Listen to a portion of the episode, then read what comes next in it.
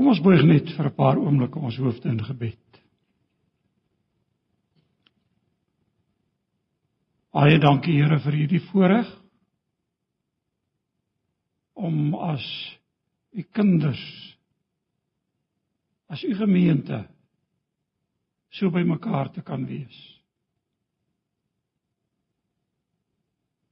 Dankie vir die voorreg om u lof te kan besing en u te aanbid. Om stil te word voor u aangesig en om te luister na u woord.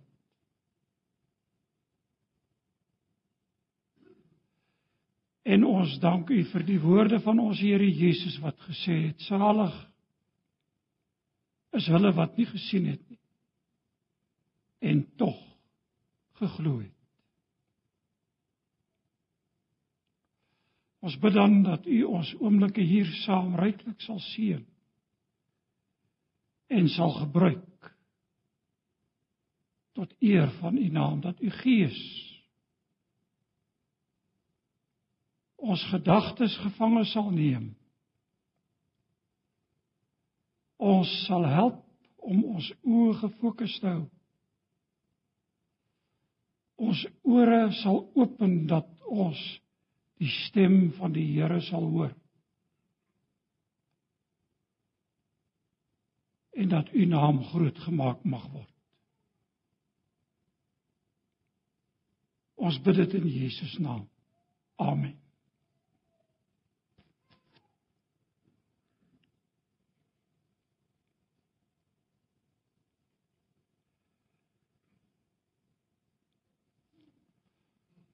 Nou ja, hier is van die wat hier was toe ek so om en by 'n maand gelede hier die boodskap gebring het uit Romeine hoofstuk 1 en ons het na die eerste 17 verse gekyk. En net om u geheue te verfris, En die rede hoekom ek uh hierdie boodskappe bring is iemand het eendag gesê die kansel moet jou nooit na die Bybel toe jaag nie. Maar die Bybel moet jou na die kansel toe jaag. En ek was gevra om 'n reeks te doen eintlik maar net twee boodskappe oor die hele boek van Romeine, maar daarvoor het ek darm 'n uur en weer 'n uur tot my beskikking gehad. Nou dit het sy voordele en sy nadele. Sy voordele is daarin geleë dat dit gee mens 'n breër visie van Romeine. Sy nadele natuurlik is hierdie boek is so ryk. En daar is soveel inhoud daaraan verbonde Wat sê 'n mens nadat soveel uitstaande mense oor Romeine gepreek het? Die invloed wat hierdie brief van die apostel Paulus uitgeoefen het op soveel mense se lewe, kan 'n mens nog iets daaroor sê? Maar in die in die voorbereiding hiervan het dit my so aan die hart gegryp dat ek eerlik moet sê dat Romeine dryf my opnuut kansel toe. Want daar's soveel om met mekaar te deel. En soveel om te hoor en dieper in te gaan en te probeer om te verstaan wat die apostel Paulus in hierdie brief geskryf het. Nou aanvanklik en dit het ek die vorige keer vir u genoem, het Paulus homself bekend gestel Hy het ook gesê wie sy lesers is 'n tipiese brief formaat in daardie tyd. En dan het hy natuurlik die feit beklemtoon dat hy homself sien as 'n skuldenaar teenoor die ganse wêreld. Bedoelende en hy gebruik die term teenoor Jood en nie Jood. Mens sou ook kon praat van hy het verwys na die Grieke En die ander woord het ek vir die vorige keer vir u verwys, se woord wat algemeen gebruik was in daardie tyd, barbaros, wat eintlik alle mense bedoel het. En Paulus noem dit ontwikkel en nie ontwikkel nie. Hy staan as skuldenaar. En natuurlik het hierdie gemeente bestaan uit 'n mengelmoes van bekeerlinge uit die Jodendom en bekeerlinge uit die heidendom. En hierdie twee konsepte van Jood en heiden speel 'n groot rol soos ons vandag weer sal sien so soos wat die apostel Paulus aangaan in hierdie brief. Eintlik 'n baie belangrike rol. En verlede keer het ons ook gekyk na die samevatting waarin die apostel Paulus eintlik die hele brief in twee enkele verse saamvat waar hy sê ek skaam my nie oor die evangelie van Christus nie. Want dit is 'n krag van God tot redding vir elkeen wat glo. Eerste vir die Jood en ook vir die Griek. In die evangelie kom juis tot openbaring dat God mense van hulle sonde vryspreek enkel en alleen omdat hulle glo. Dit is soos daar geskrywe staan, elkeen wat deur God vrygespreek is, sal lewe omdat hy glo. En in daardie twee versies is die hele Romeine eintlik saamgevat. Dis die sleutel waarmee mense Romeine eintlik oopsluit.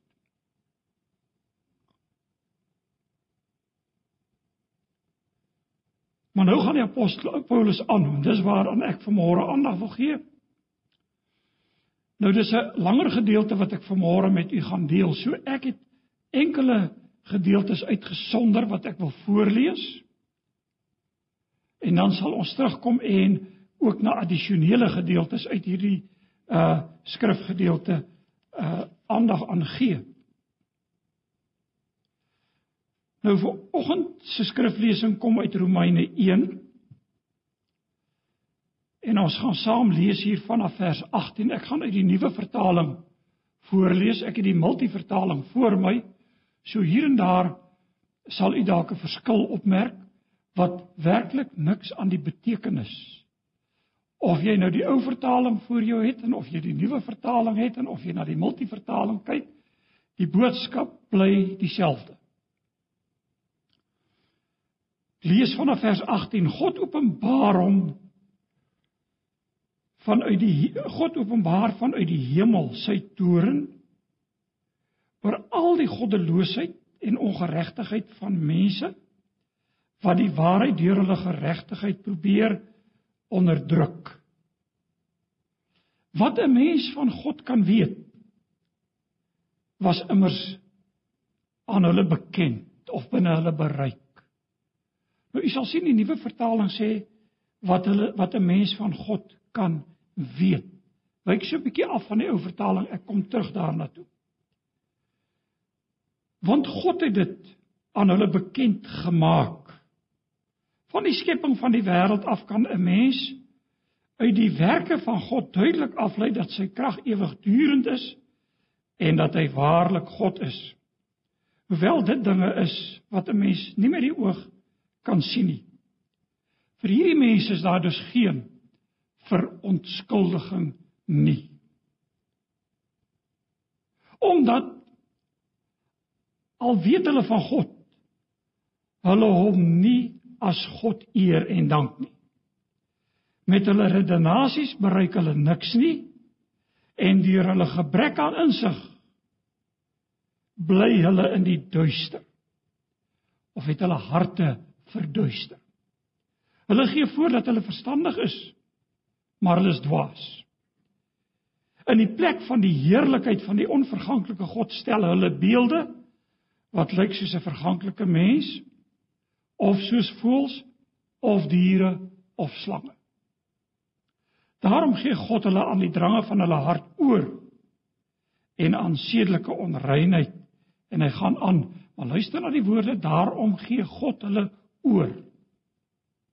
En dan praat hy drie verskillende fasette hier hoe dat God oorgee waarna ons gaan kyk uh, in die boodskap. Ek gaan dit nie nou aan u voorlees nie. Hoofstuk 2.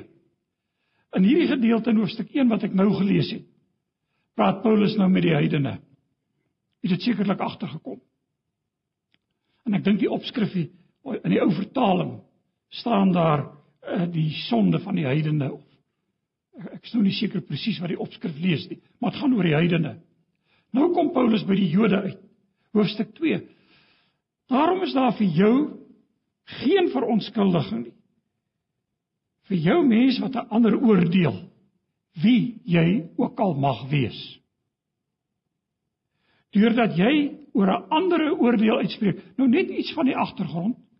Onthou die Jode het die wet gehad.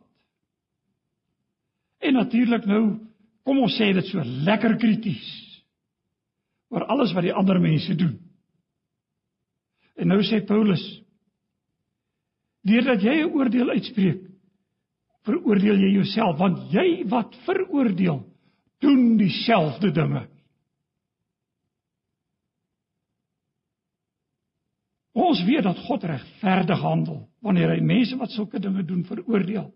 Maar jy mens wat 'n ander veroordeel wat sulke dinge doen, jy doen dit self. Verbeel jy jou dat jy aan die oordeel van God sal ontkom? Ek staan 'n paar versies oop oor en ek lees vir u vanaf vers 6. Selfe hoofstuk. Gaan oor God. Hy sal elkeen vergeld volgens sy dade. Skrik skrikwekkende woorde is dit nie. Hy sal elkeen vergeld volgens sy dade. Aan die wat goed doen, uh, in goed doen volhard en op die manier soek na ewige heerlikheid, eer en onverganklikheid, gee hy die ewige lewe. Maar die wat uit selfsug ongehoorsaam is aan die waarheid en toegee aan die ongeregtigheid, straf hy in sy toorn. Want net jy moet net onthou, hy sê hy straf hy in sy toorn. Vers 18 het begin God openbaar sy toorn.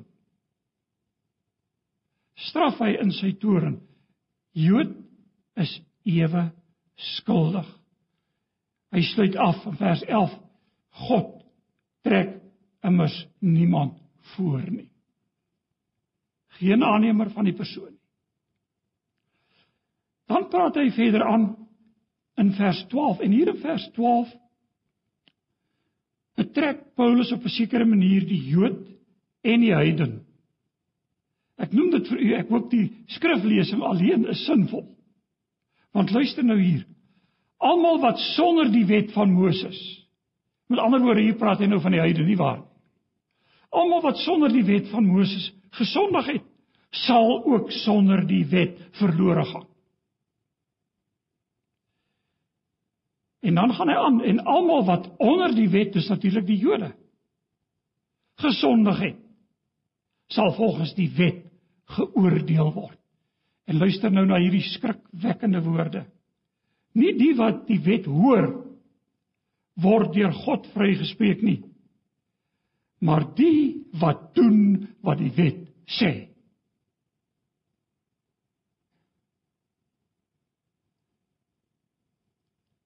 Hierdie woorde behoort 'n mens eintlik koud te laat word van skok. Almal wat die wet doen.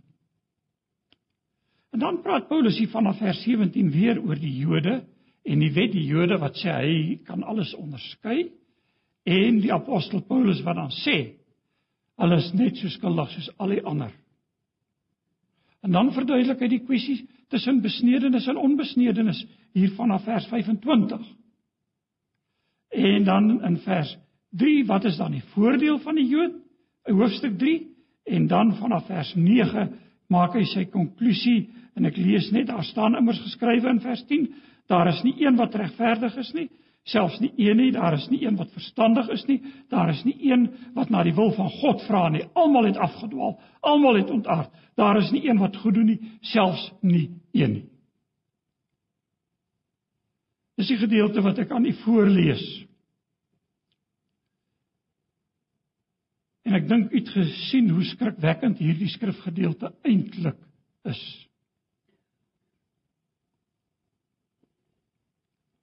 eintlik wil ek sommer reg aan die begin sê hierdie boodskap soos wat die apostel Paulus hom hier gee dien vir my tweeledig 'n tweeledige doel Paulus praat met die gemeente met gelowiges wanneer hy praat oor die skuld van die ganse mensdom en sy uitgangspunt is eintlik om vir hierdie gemeente in Romeine te verduidelik hoe dat hy die evangelie verstaan. En hierdie tweeledige doel van hom raak dus die kwessie dat die gemeente wanneer hulle sien uit watter toestand uit hulle kom hulle die grootheid van God se redding en sy verlossing beter sal kan verstaan. So dis die een saak. En ek sou reken dat een wat hiermee saamgaan en baie nou hiermee saamgaan is sodat elke mens wat hierdie boodskap hoor sal weet wat sy posisie voor God is van nature. Dat hy as mens skuldig staan voor God. Kom ons gaan let naderby op hierdie saak. Ons lewe in 'n era waar die mens baie positief beoordeel word, nie waar nie? Ons moet goed voel oor onsself. En dan word daar kursusse aangebied en uh allerhande praatjies word aangebied om die mense aan te moedig en hoe om 'n goeie selfbeeld te kry, want ons is mos inherënt daarom goeie mense. Trouwens ek het al gelees waar bekende mense kritiek uitoefen op die ou gereformeerde leerstelling se negatiewe negatiewe mensbeeld.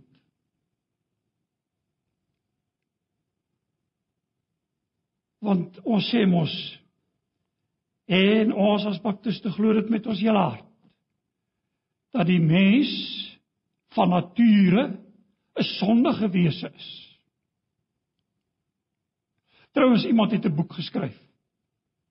Iemand vir wie ek groot agting en waardering het. Maar met hierdie boek verskil ek nog redelik verskil ek redelik radikaal. Waarin hy die vraag gevra het: God, waarom lyk die wêreld so?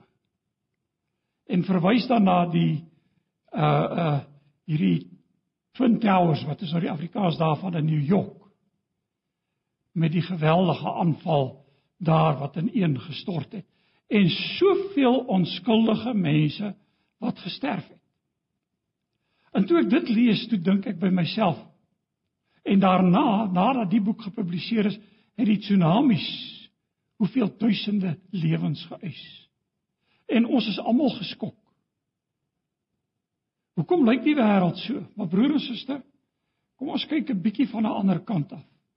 Moet ons nie dalk die vraag vra hoekom lyk die wêreld nie so nie? Want as ons sien wat in hierdie wêreld aangaan, as ons hoor wat gebeur, die dinge rondom ons sien, die lastering wat daar plaasvind, die openlike vyandigheid teen God, is ek in my eie hart verstom dat God nie in een oomblik die wêreld uitwis nie. En tog is hy barmhartig. En hierin sien ons eintlik 'n teken van sy liefde. Nou hoe sien Paulus dan die mens? Hy sien die mens as en hy praat hier met die heiden as onder die sonde. God openbaar vers 18 vanuit die hemel sy toorn oor al die goddeloosheid en ongeregtigheid van die mense wat die waarheid deur hulle ongeregtigheid probeer onderdruk. En hierdie geld as Paulus verder aan praat sal u sien hy verwys hier na die heidene. Want hy sê wat 'n mens van God kan weet. Die ou vertaling sê dink hy praat van God ken. Wat 'n mens van God kan weet, sê hy is immers binne hulle bereik. Is aan hulle bekend, want God het dit aan hulle bekend gemaak van die skepping van die wêreld af. Kan 'n mens uit die werke van God duidelik aflei dat sy krag ewigdurend is en dat hy waarlik God is. Nou hoe verstaan 'n mens dit nou? Weet jy hierdie enkele verse het 'n geweldige rol in die teologie geskiedenis gespeel.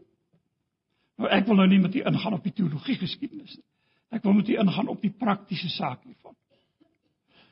Maar kan u verstaan dat hierdie tekste heel dikwels geïnterpreteer is dat die mens deur sy natuurlike rede tot 'n ware kennis van God kan kom. En weet jy, baie mense glo dit. Daar is baie daaroor geskryf. Ek was baie jare gelede by 'n gradeplegtigheid teenwoordig waar iemand in die sendingwetenskap 'n doktorsgraad ontvang het. Ek kan nie die titel van die teses onthou nie. Ek kan wel die onderwerp onthou waarin hy tot die konklusie gekom het in sy navorsing dat die mense hier in die noorde van Suidwes of Namibië wat nog nooit van God gehoor het nie, wat Jesus nie ken nie, tog tot 'n ware godskennis kom deur hulle eie godsdiens.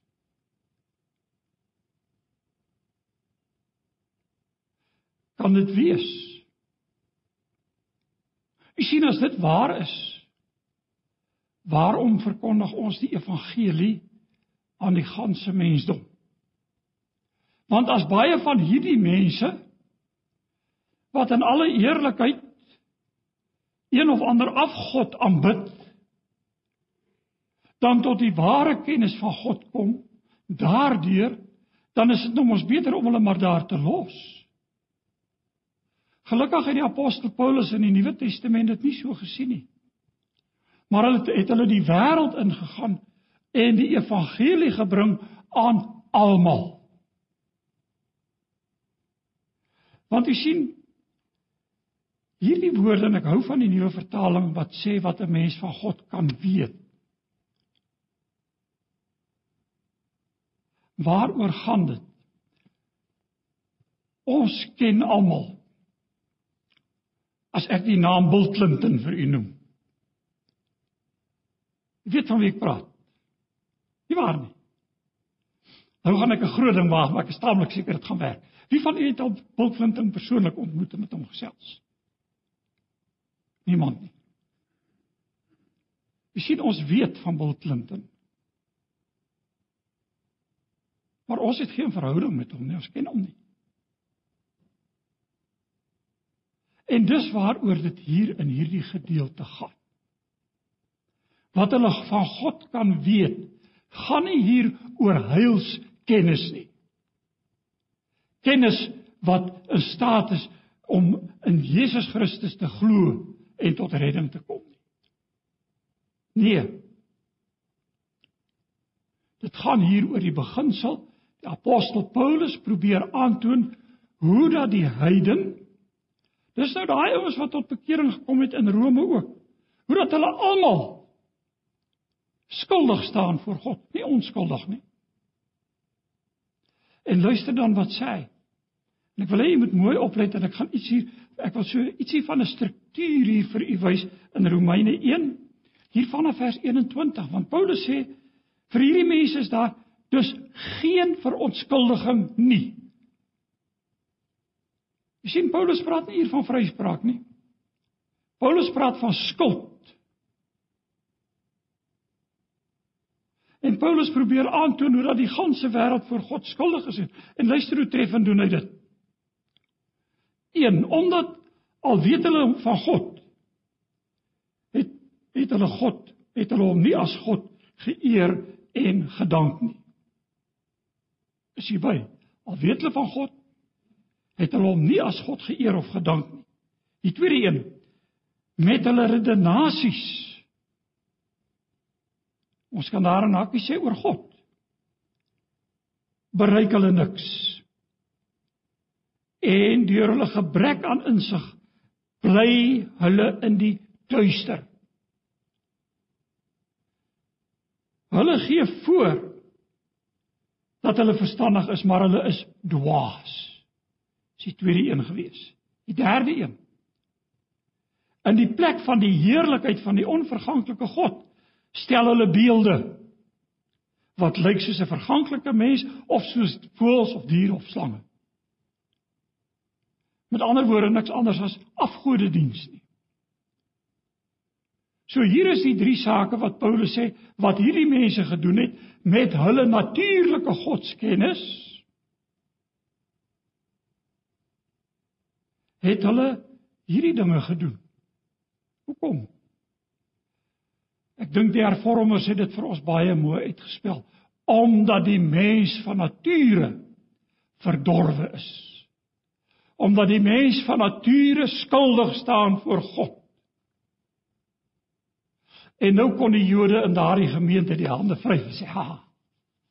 Kyk net hoe lyk dit." En dan gaan die die apostel Paulus aan en op hierdie drie fasette wat ek nou na verwys het, noem hy iets baie interessant. Hier vanaf vers 24. En ek wil graag hê jy moet in die Bybel kyk.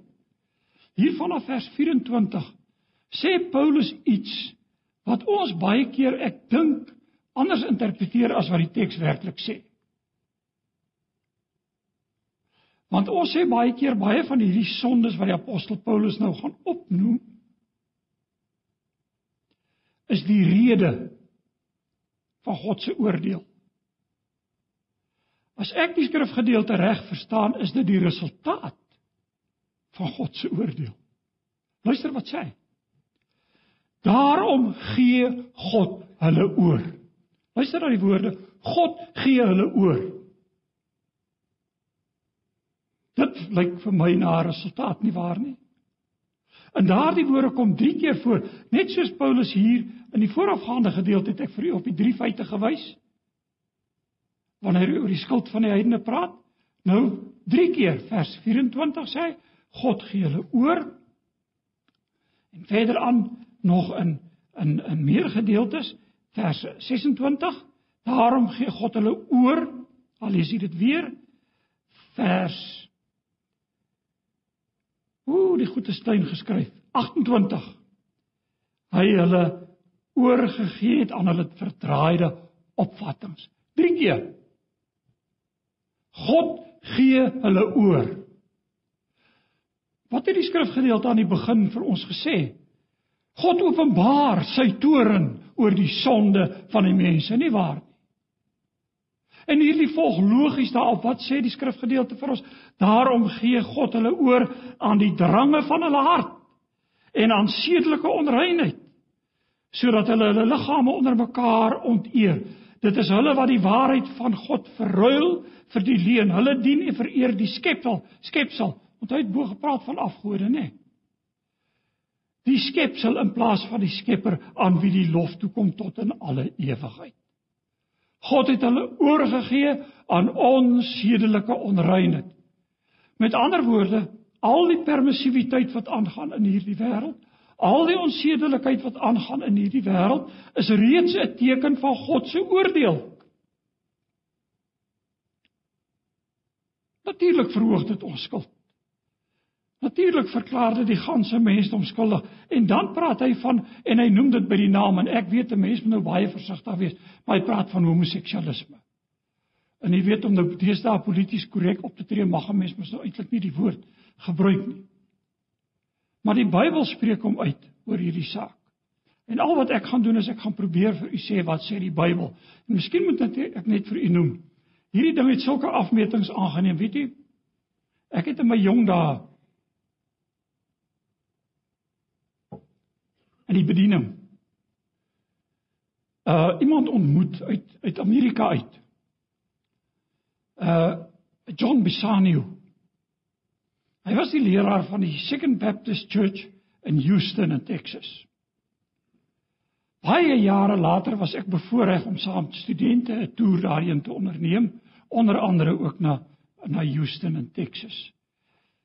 En by Second Baptist uitgekom groot gemeente is een van daai verskriklike strukture met iets soos 15000 lidmate. Maar die gebou bied net plek vir 7500. In my terugvoer my reaksie was so julle kry 'n 50% bywoning. Toe sê die man vir my nee, ek verstaan verkeerd, hulle het twee twee eredienste na mekaar in die oggende en beide is stampvol. Baie Bybelse prediker, die John Bisani. En toe preek hy by geleentheid oor hierdie en hy noem homoseksualisme by die naam en weet jy wat? Hulle moes mense kry om hom te beskerm. Soos wat hy daar in die suide van die FSA, ek praat nou van goed wat hier in die 80er jare gebeur het. Omdat hy durwag om hierdie uitlating te maak oor wat die Bybel sê. Was hy in die moeilikheid? Maar luister wat sê die skrif. Hy sê God gee hulle oor aan skandelike drifte. Hulle vroue vroue verander die natuurlike omgang in 'n teennatuurlike omgang. Net so laat vaar die man soek die natuurlike omgang met die vrou en brand van begeerte vir mekaar. Mans pleeg skandelikhede met mans en bring oor hulle self die verdiende straf vir hulle perversiteit. En omdat hulle dit geen belang geag het om om God te ken nie, gee hy hulle oor. Nou u weet tot op datum kon ons dalk nou nog vir mekaar sê, goed. Hierdie hierdie hierdie seksuele onreinheid waarvan hy praat, skandelike sedelike onreinheid. Ag ek is daarom nou nie val daarom nie heeltemal in die kategorie nie. Ons kan dit maklik vir mekaar sê, weet. En ek dink die Jode kon hulle nou nogal verlustig vir daai ouens daar in Rome wat so pervers geleef het. En hierdie tweede saak van homoseksualiteit, nee, ons is daarom onskuldig. Is ons so onskuldig? Kom ons lees verder wat sê hierdie gedeelte. En omdat hulle dit hier in vers 28 omdat hulle dit van geen belang ag om God te ken nie, gee hy hulle oor, weer daai woorde, aan verdraaide opvattinge sodat hulle doen wat onbetaamlik is. Hulle is een en al, dit kan ook vertaal word word met loop oor van ongeregtigheid. Nou luister nou mooi. Hier kom 'n vreeslike ding, slegheid, hebsug, gemeenheid. Hulle is vol jaloesie, moord, twis, bedrog en kwaadwilligheid. Hulle skinder en praat kwaad. Laat God, hulle is hooghartig, aanmatigend, verwaand, hulle is mense wat kwaad uitdink, ongehoorsaam aan hulle ouers, onverstandig, onbetroubaar, liefdeloos, hardvogtig. Is ons nog so onskuldig? Dit lyk nie meer so nie. Dit lyk vir my as ek nou sommer in ons Afrikaanse taal kan sê dit was drie vliee met een klap want Paulus dek alles hier en hy sê almal almal is skuldig. Broeder suster en dis hoe ek en jy lyk voor God. Ons lyk nie anders as die ander nie. Ons staan skuldig voor hom. En dan kom Paulus by hoofstuk 2. Want u sien die Jode kon dit nou baie geniet het en gesê het: "Sê hulle Paulus, sê hulle." En dis mos maar baie keer so, jy weet as 'n as 'n leraar so lekker kan uitvaar oor sonde en dit by die naam noem en ek is nou nie skuldig nie. Nee, dan sit ek daar en sê ek, dis reg, sê hulle. Vertel hulle goed die waarheid, laat hulle hoor. En Paulus daai om en sê Daarom is jy is daarom is daar vir jou geen verontskuldiging nie. Vir jou mens wat 'n ander veroordeel. Wie jy ook al mag wees. Daar's geen verontskuldiging. En nou dryf hy dit tuis by die Jode. Deurdat jy 'n oor ander deurdat jy oor 'n ander oordeel uitspreek, veroordeel jy jouself want jy wat veroordeel doen dieselfde dinge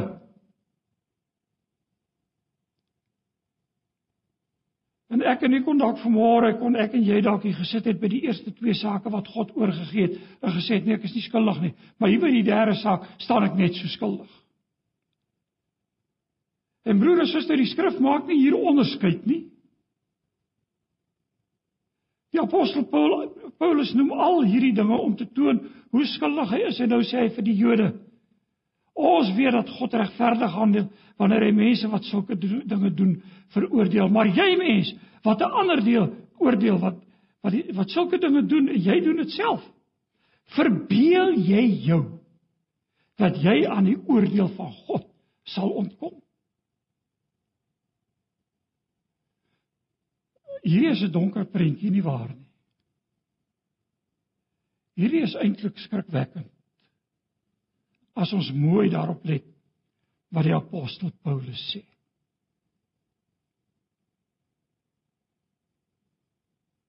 Jy en ek staan skuldig. Want sê die sê die apostel Paulus hier in vers 6. Hy sal elkeen vergeld volgens sy dade. Nou wil ek net so 'n bietjie uh, by wyse van dit wat met my persoonlik gebeur het baie jare terug was hier uh, redelik aan die einde van my studente dae kort voor ek in in, in die voltydse bediening ingegaan het met ander woorde hier in die uh vroeë 70er jare ek het 'n uh, tydskrif hier aan die hande gekry miskien het ek dit al by geleentheid vir u gesê verdict was die tydskrif se naam waarin die skrywer van die betrokke artikel, dit was 'n Paxton van Australië, die vraag vra op grond waarvan word ons gered? Op grond van die werke van die wet of op grond van ons geloof? En natuurlik my eerste reaksie was natuurlik op grond van ons geloof. Want ons word mos deur die geloof geregverdig, nie waar nie?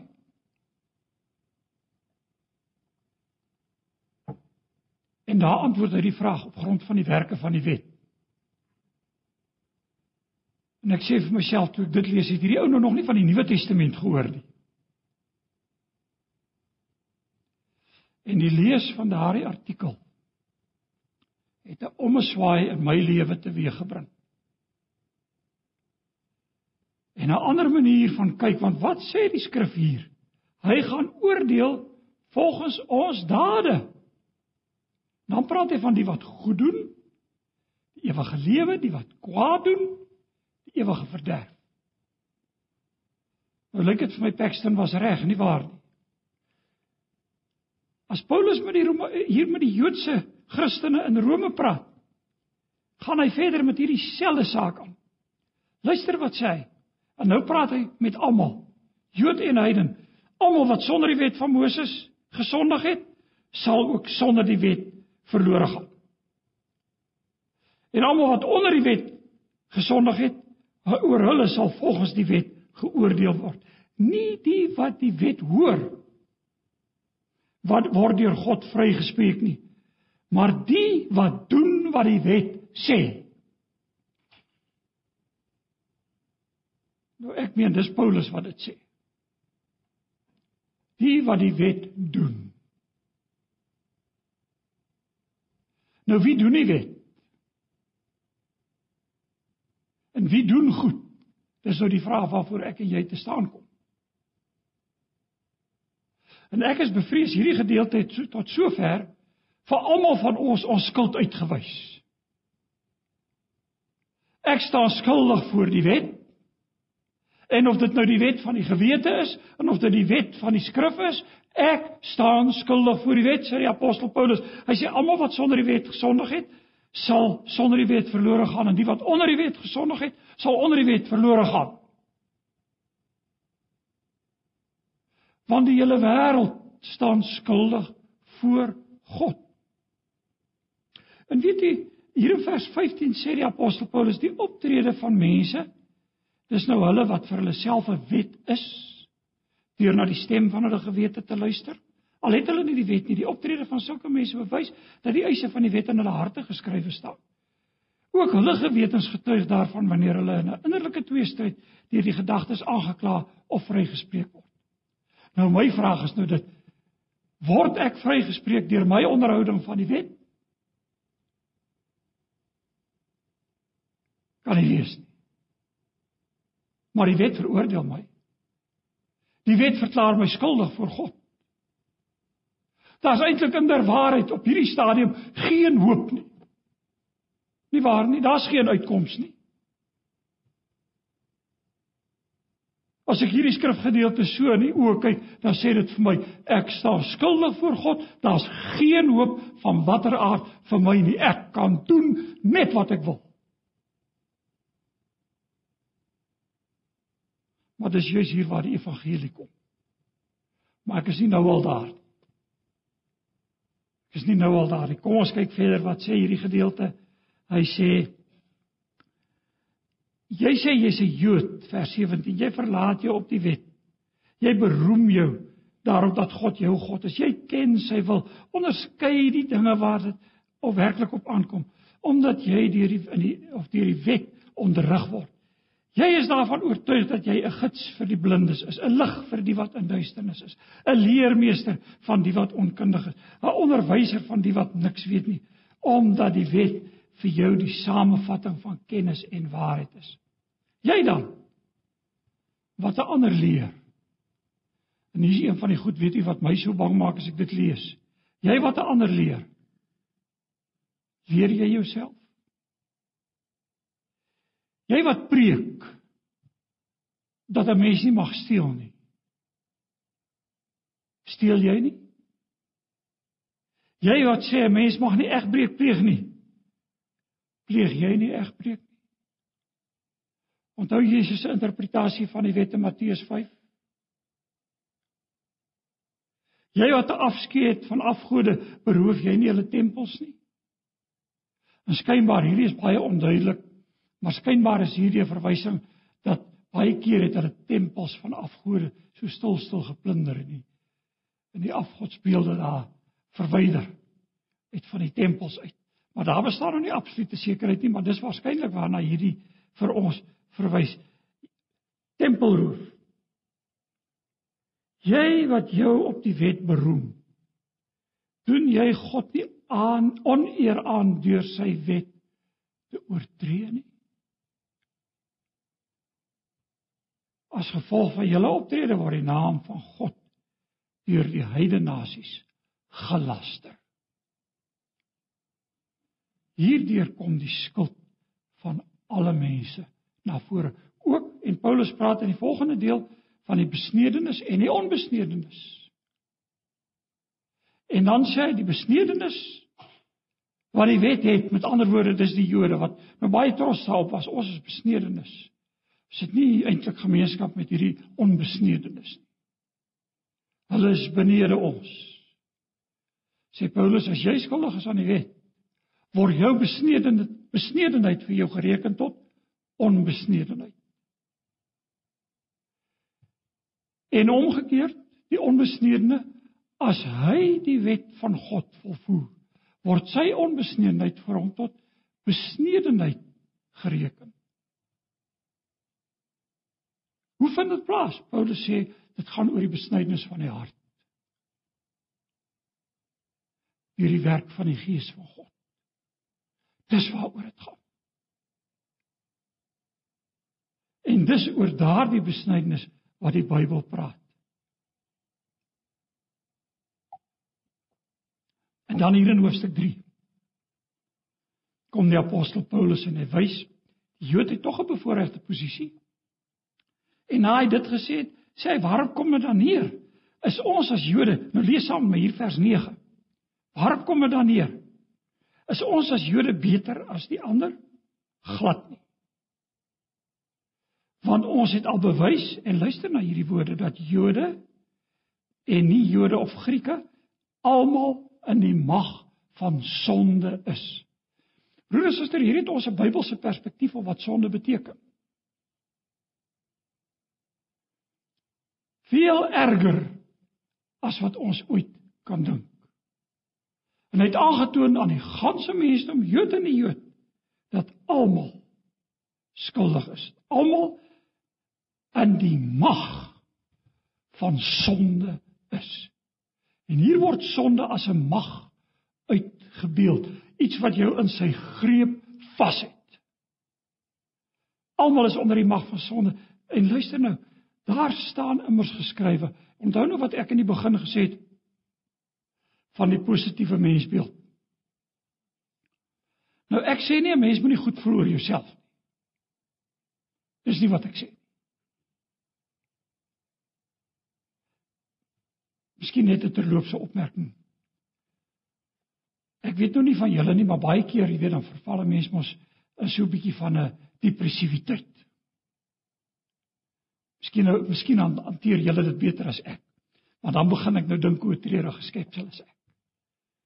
En dan begin ek vreeslik negatief oor myself dink en ek moenie te veel dink nie want dan dan dan raak ek goed nou al hoe slegter. Ek moet maar vinnig probeer aan ander goed my besig kry en en nie want as ek te veel te lank te stil sit dan begin ek nou hierdie beeld opbou. En weet jy toe kom dit by my. Hoe sien God my?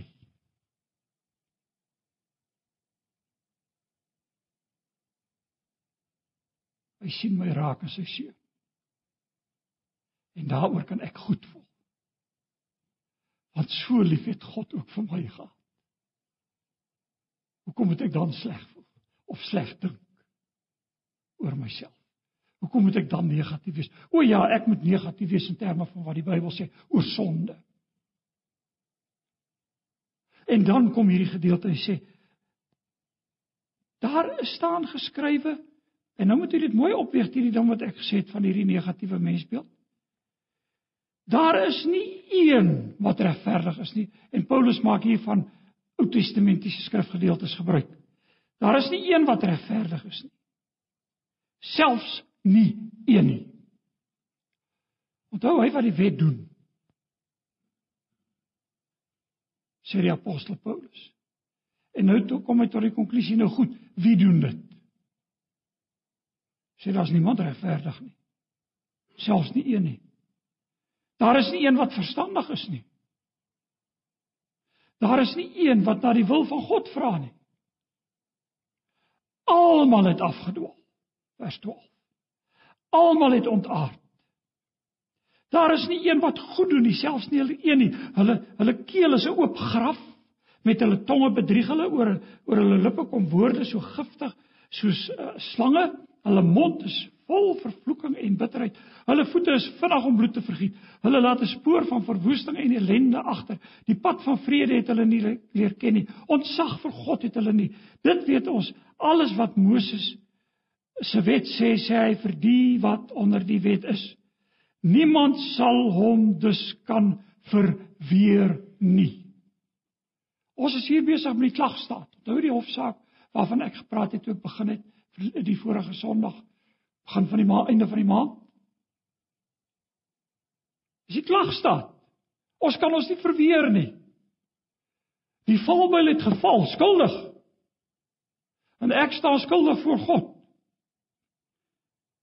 Niemand kan hom verweer nie. Ou vertaling sê elke mond sal voor God gestop wees. Want ek is op heterdaad betrap. Ek staan skuldig.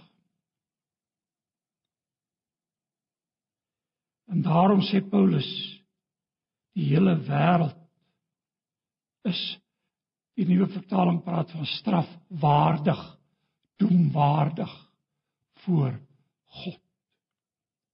Almal. Almal, ek en jy.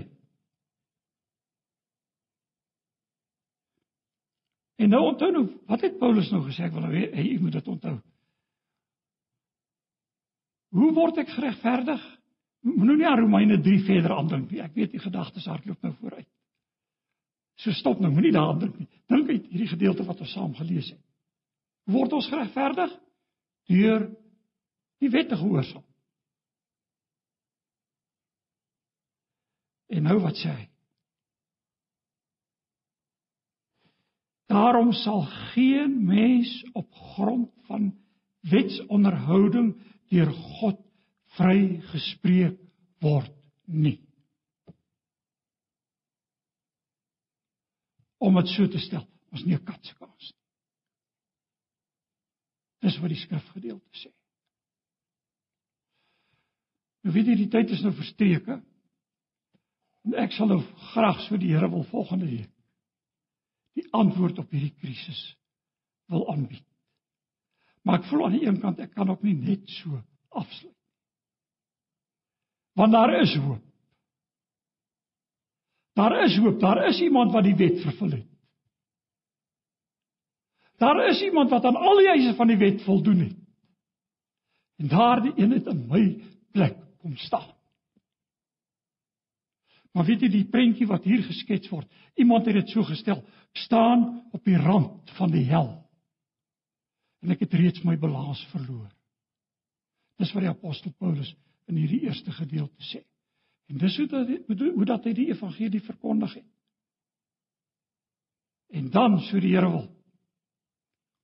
Volgende week kom ons by die antwoord uit. Daar is hoop.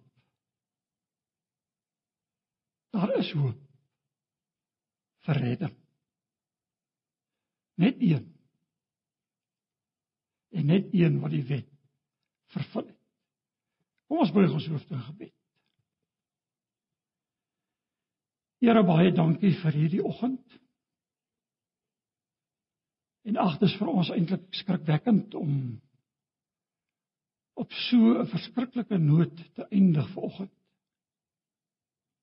Maar dankie vir die hoop wat u woord vir ons verder gaan bring om te weet maar daar is iemand wat regverdig is en die een het in my plek kom staan.